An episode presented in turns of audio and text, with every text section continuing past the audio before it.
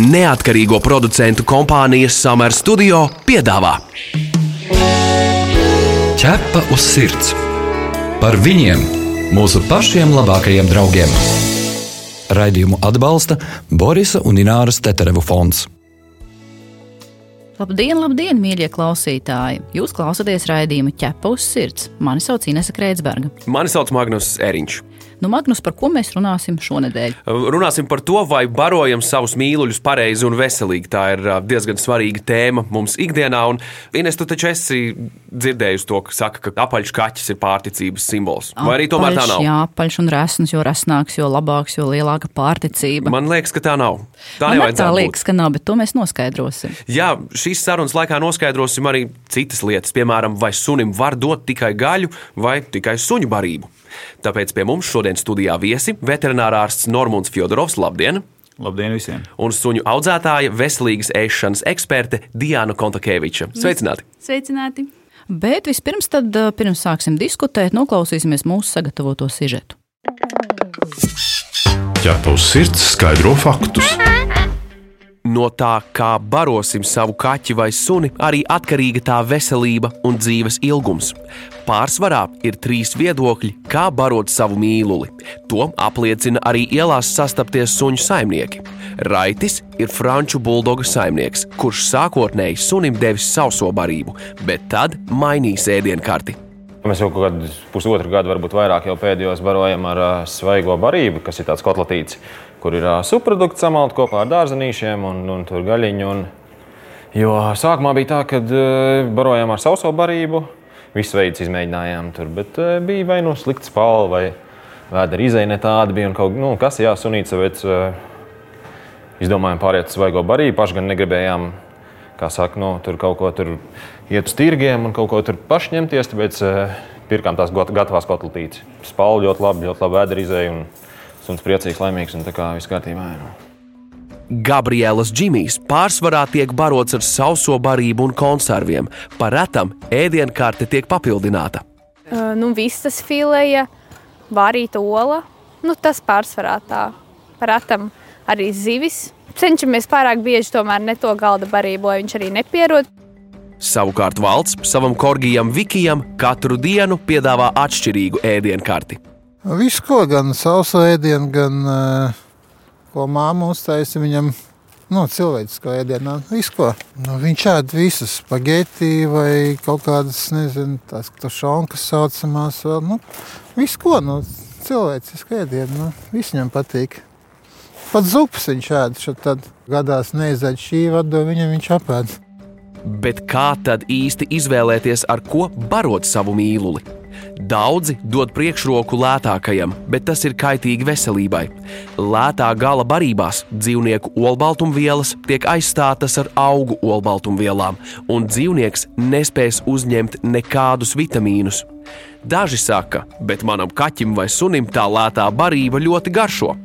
Bet garšu īstenībā nosaka īpaši pievienotie garšas pastiprinātāji. Nu, gluži tāpat kā kārumos cilvēkiem - čipšos.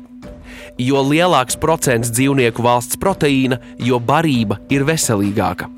Liela daļa sausās barības satur krāsvielas un konservantus.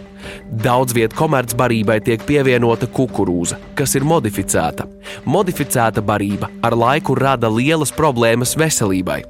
Eksperti atzīst, ka mājdzīvnieku vajadzētu pēc iespējas vairāk barot ar svaigu gaļu.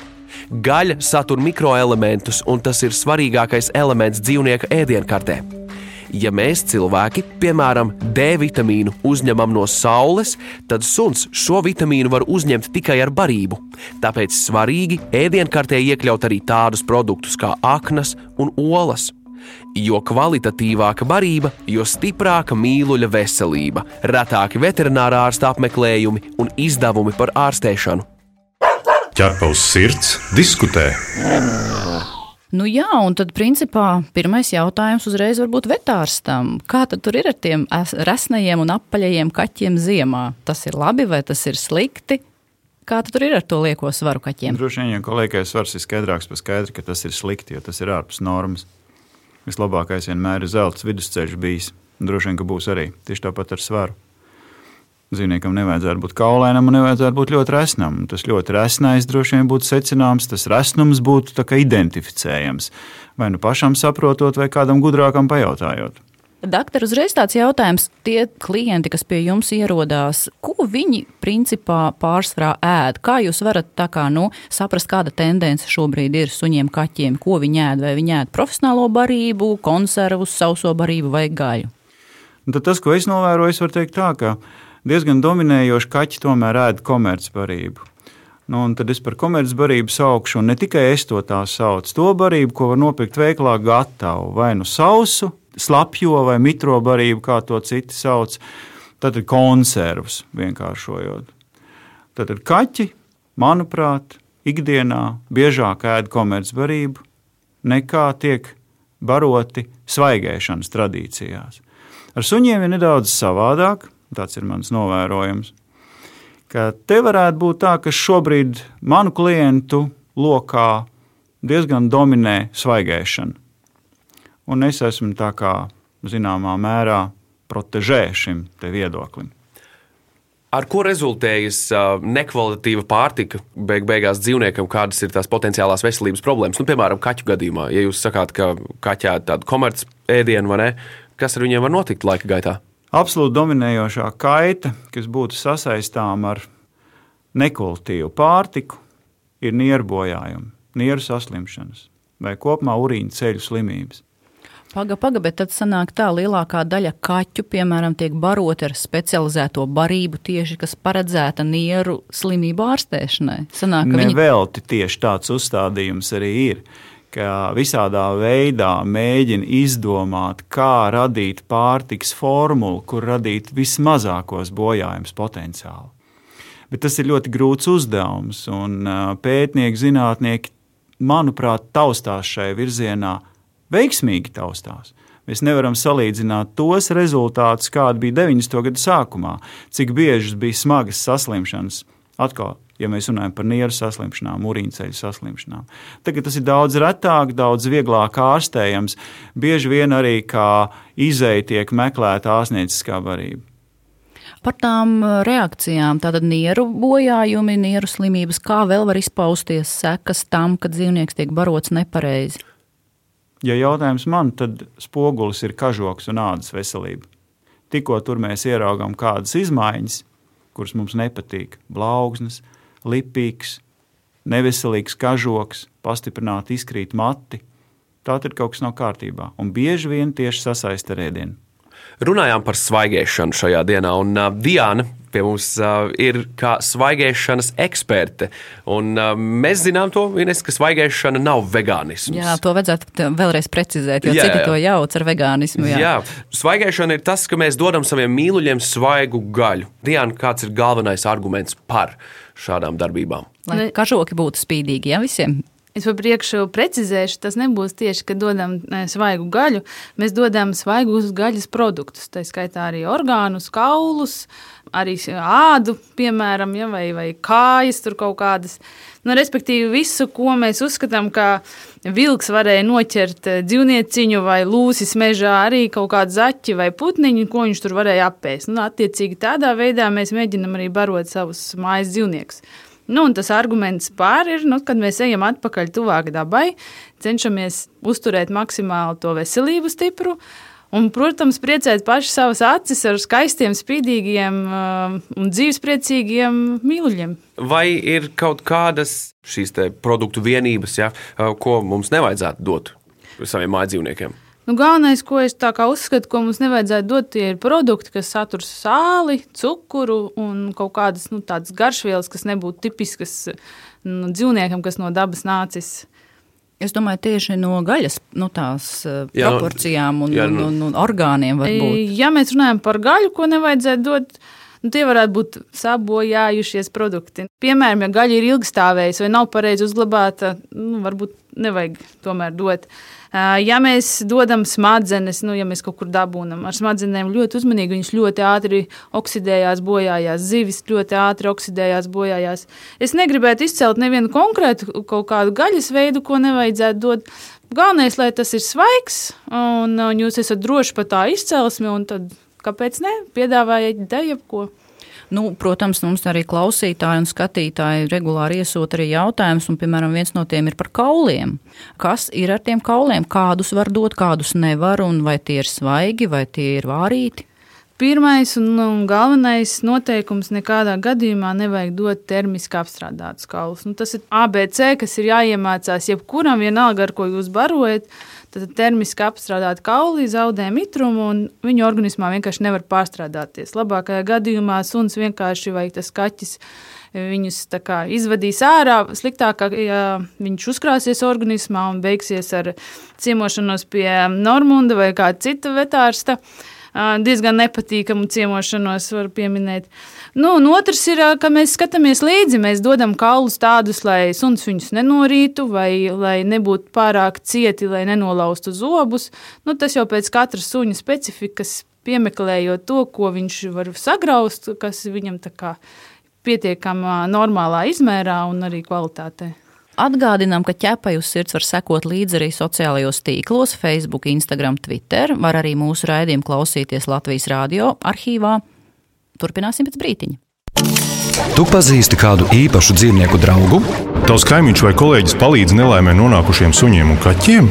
Varbūt kāds suns vai kaķis izmainīs tavu pašu dzīvi. Raksti mums, un mēs pastāstīsim šo sirsnīgo stāstu pārējiem klausītājiem. Iedrošināsim arī citus izdarīt kādu labu darbu. Gaidām jūsu vēstuli uz info atķepa uz sirds LV.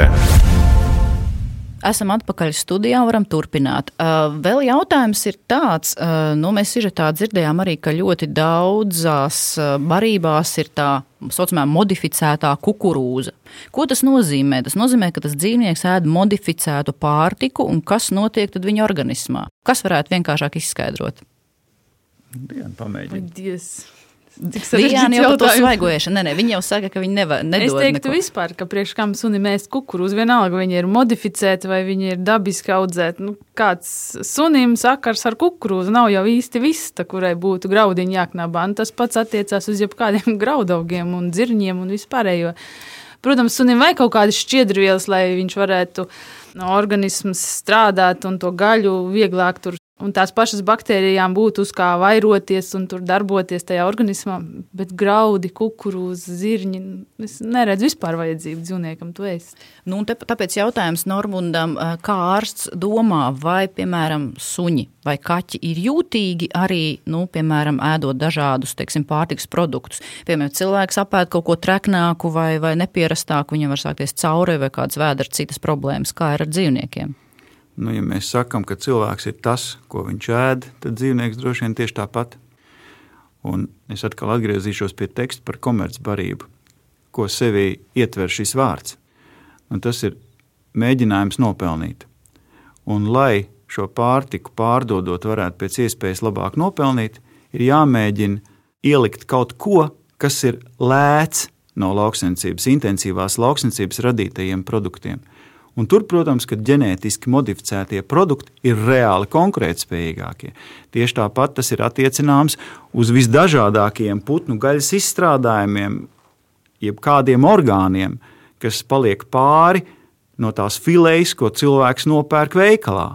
Viss pārējais putns kaut kur tiek pārstrādāts, un loģiski, ka vislielākā daļa aiziet dzīvnieku pārtikā. Un tad nu, lielu daļu gadījumu sākās neizpratne, kā tā es nevaru nopirkt nevienu sauso barību, kurā nebūtu kāda putnu izcelsmes sastāvdaļa. Un tāpat notiek ar to kukurūzu vai soju. Un, principā, šobrīd intensīvā lauksaimniecība gandrīz vienmēr ražo tikai ģenētiski modificētu kukurūzu un absolūti simtprocentīgi ģenētiski modificētu soju. Nu, un, ja dziļāk parok un palasa ko atsevišķi institūti pētot ģenētiski modificētus produktus, ir atklājuši par to ietekmi uz veselību dzīvniekiem, kuri ir bijuši kā pētniecības objekti, tad daudzas neatkarīgas laboratorijas visnotaļ neglaimojošas secinājumus izplata. Tas, ko es gribēju vienmēr pajautāt, Vai ir taisnība, ka ļoti daudziem suņiem tieši ir alerģija uz vistas gaļu? Nu, viņiem ir alerģija, un saimnieks mēģina atrast citus barības variantus, bet nezina to, ka ļoti daudzās komercbarībās tieši klāt ir vistas proteīns. Un tāpēc sanāk, ka, lai ko dotu sunim, viņam ir alerģija. Tā varētu būt? Tā varētu būt, tā ir ļoti bieži. Un atkal atgriežos pie teksta, mēs esam tas, ko mēs ēdam, ar ko baro visus putnus. Neatkarīgi no tā, vai viņš ir vista, vai pīle, vai tītars. Visus viņus baro ar ģenētiski modificētu kukurūzas, piesātinātu, kombinēto spēkbrīvu. Kas tad tagad sanāk? Nu, cilvēks sāks lasīt etiķetes, vai ne? Magnus, iedomājies, nu kā tu tagad, piemēram, sāc lasīt. Mm -hmm. Cilvēkiem etiķetes. ir jāsāk lasīt etiķetes. Jā, bet es, es, es esmu iegādājies savam kaķim kaķu varību, kurā nav miltu veidu produktu iekšā. Meža cūku un ābols. Tas ir tas, ko viņš dabū tajā sausajā pārtikā. Tas ir labi, vai tas nav pārāk labi? Tur jau noteikti vēl kaut kas ir iekšā. Jā, nu, e, lai salipinātu sausās barības graudiņu, viņiem ir jāizmanto kaut kāds lipeklis. Jā, jā. Tad ir jautājums, ko tajā barībā, ko jūs iegādājaties, viņi izmanto kā lipekli. Jums jāpalasa tajā e, sarakstā, nu, kaut ko jūs tur atradīsiet, kas tad salipina to graudiņu. Un visbiežāk jau tas lipeklis arī ir viens no, no triggeriem, kas e, ir alerģijas veicinātājs. Jo Vai nu tas ir kaut kāds cukurs, vai nu tā ir kaut kāda um, cieta, ja, kaut kas, kas to graudiņu satur kopā. Jūs saprotat, ja jūs nopirksiet pulveri. Vai vienkārši kaltēts gaļas gabaliņš ar kaltētiem ābolu gabaliņiem. Nu, to jau jūs mhm. redzēsiet uzreiz. To mans kaķis nēdīs, tas ir skaidrs. Bet tas, kas ir interesanti, vai, piemēram, saimnieks, kas baroja savu suni vai kaķi ar komercbarību desmit gadus, var tā pēkšņi tagad nomainīt uh, racionu uz, uz svaigēšanu? Protams, var. Dakteris piekrītam? Piekrītu. Es Cik es... sarežģīts būs šis process, tas Jā. ir cits stāsts, bet varēt var. Jā, es esmu nomainījis vecāko sunu, ja nemaldos, deviņgadīgu, kurš jau taisījās tā kā uz nu, teiksim, kapsētu, vai taisījās skriet pa varavīksnes maliņu, bet viņam šobrīd ir 14 un vēl joprojām skrien pa pagaumu. Ļoti labs stāsts. Nu, varbūt stāstam izturpināšu ka ir daži saimnieki, kas ļoti ātri padodas un nespēja sarežģītu situāciju ilgstoši risinot, iegūt rezultātu labu. Un ir cilvēki, kas ir tādi kā ērts, iekrampējis savā pārliecībā un to realizē, un viņiem arī rezultāts ir.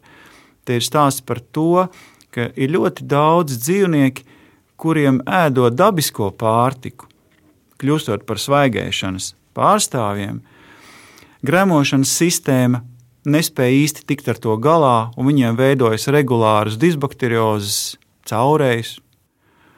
Un uh, saimniekam ir lielas acis, viņš ir pārbies, ko darīt, ja tas turpinās ilgstoši.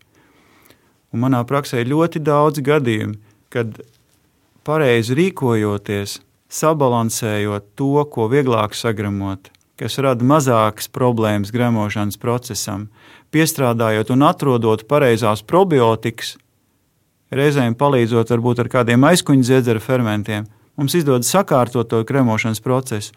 Viņš sāk nenogurt no šādas pārstrādes un sāk strādāt normāli. À, tā tad, piemēram, īslaicīgs pasliktinājums pat ir normāli.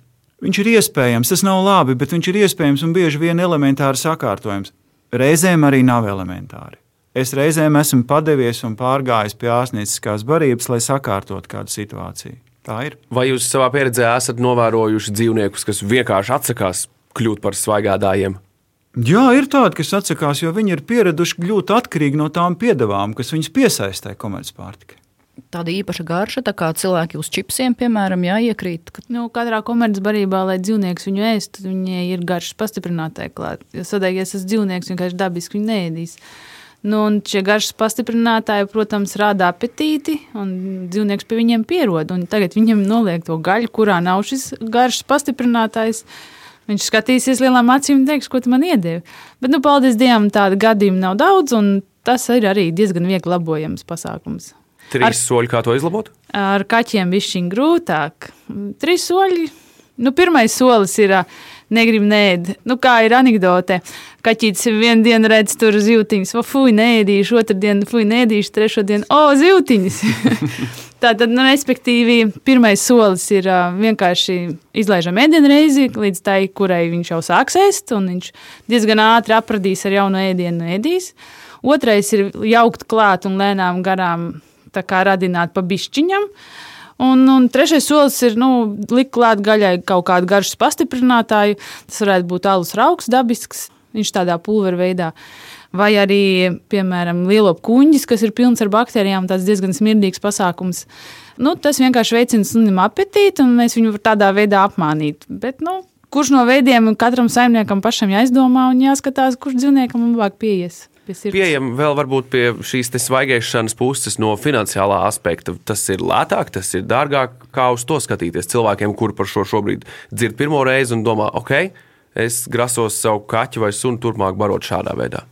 Nu, tas jau jāiet uz tirgu, jāpērk, jā, jāpēta. Tas viss nu, man kā cilvēkam, kas ļoti daudz um, strādā ar svaigo barību suņiem, nu, es varētu teikt, ka tā cena varētu būt vidēji no 3-4 eiro par kilogramu sabalansētai, gatavai jau svaigai barībai, ko cilvēks var iegādāties un pasniegt dzīvniekam. Es par tām putrām gribētu jautāt, kā tur ir. Vai varam dot, jeb nevaram, jo ļoti daudziem cilvēkiem ir uzskats, ka putra augstā laikā sasilda punci, piemēram, sunim, kas ārā ļoti bieži dzīvo. Kā tur īstenībā ir? Diana smējās. Jā, Diana. Tas tāds lauku vecmāmiņas no droši vien uzskats.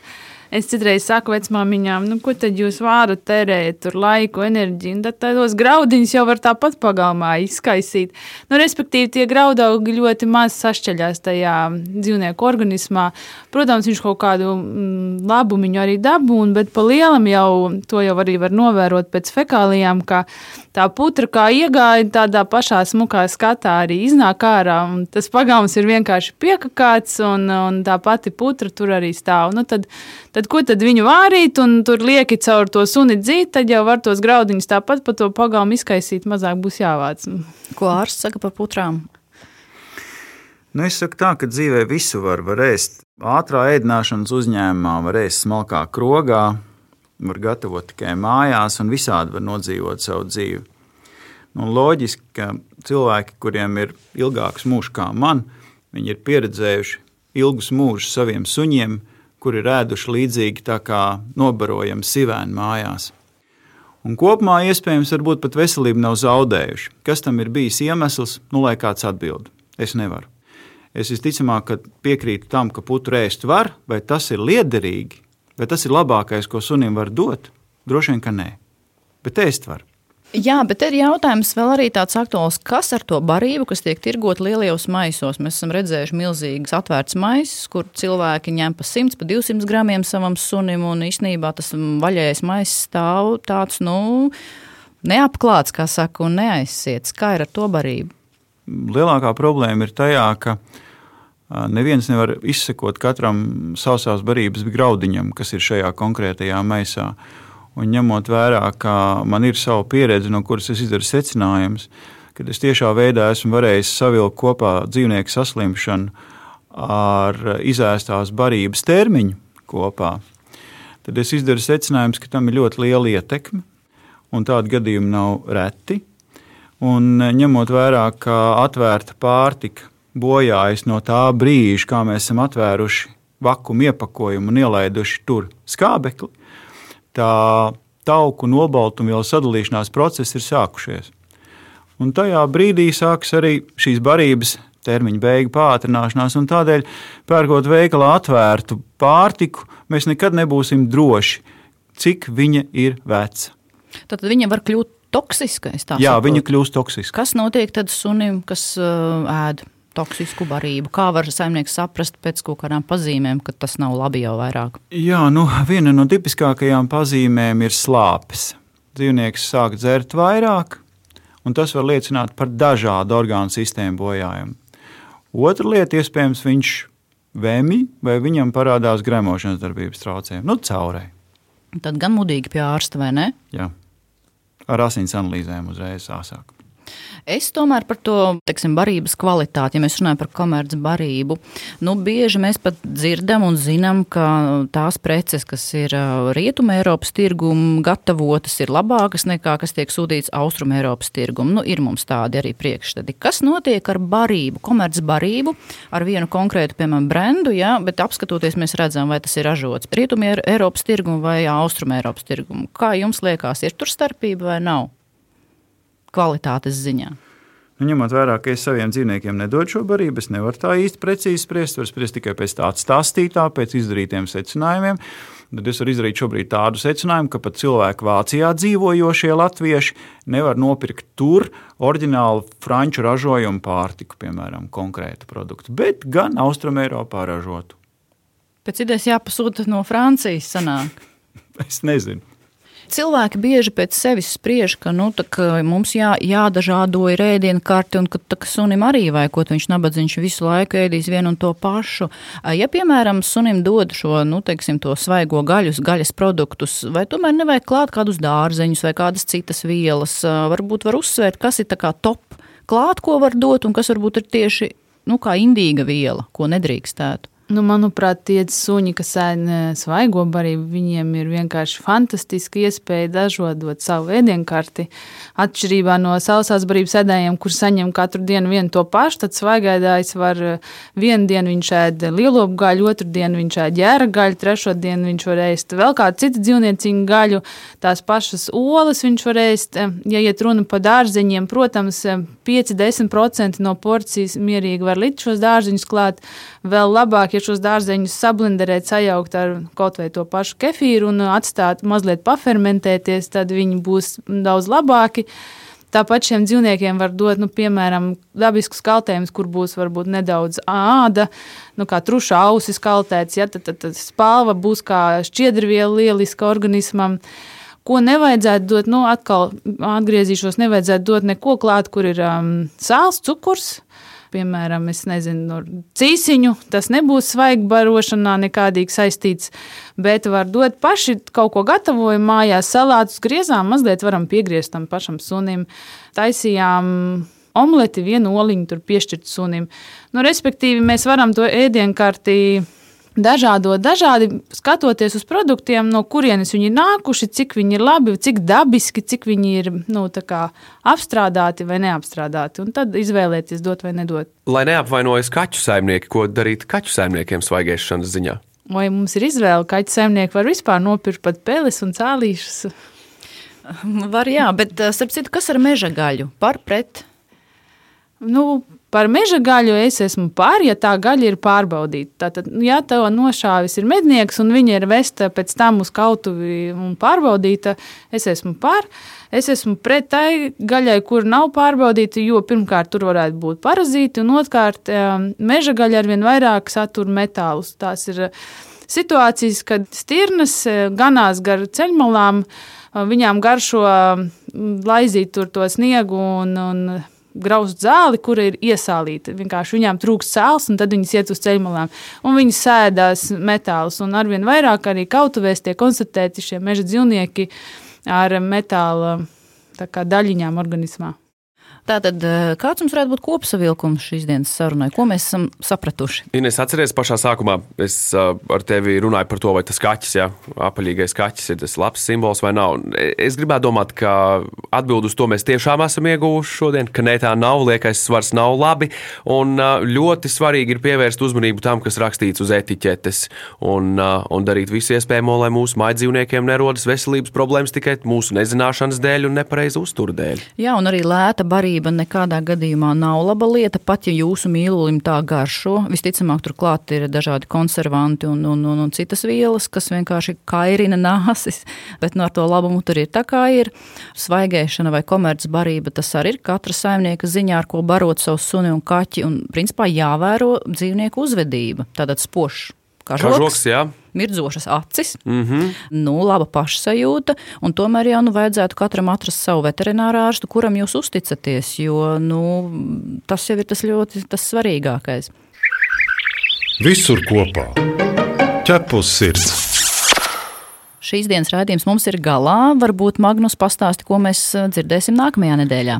Mēs noskaidrosim, kas ir jāzina, ja gribam adoptēt suni vai kaķi senioru, kurš piemērosies kuram, vai saimnieks mīlulim, vai tomēr otrādi, un kā padarīt dzīvnieka mūža nogali skaistāku un kopā būšanu, kur sagādā prieku, nevis problēmas, kā to iegūt un kā ar to visu tikt galā.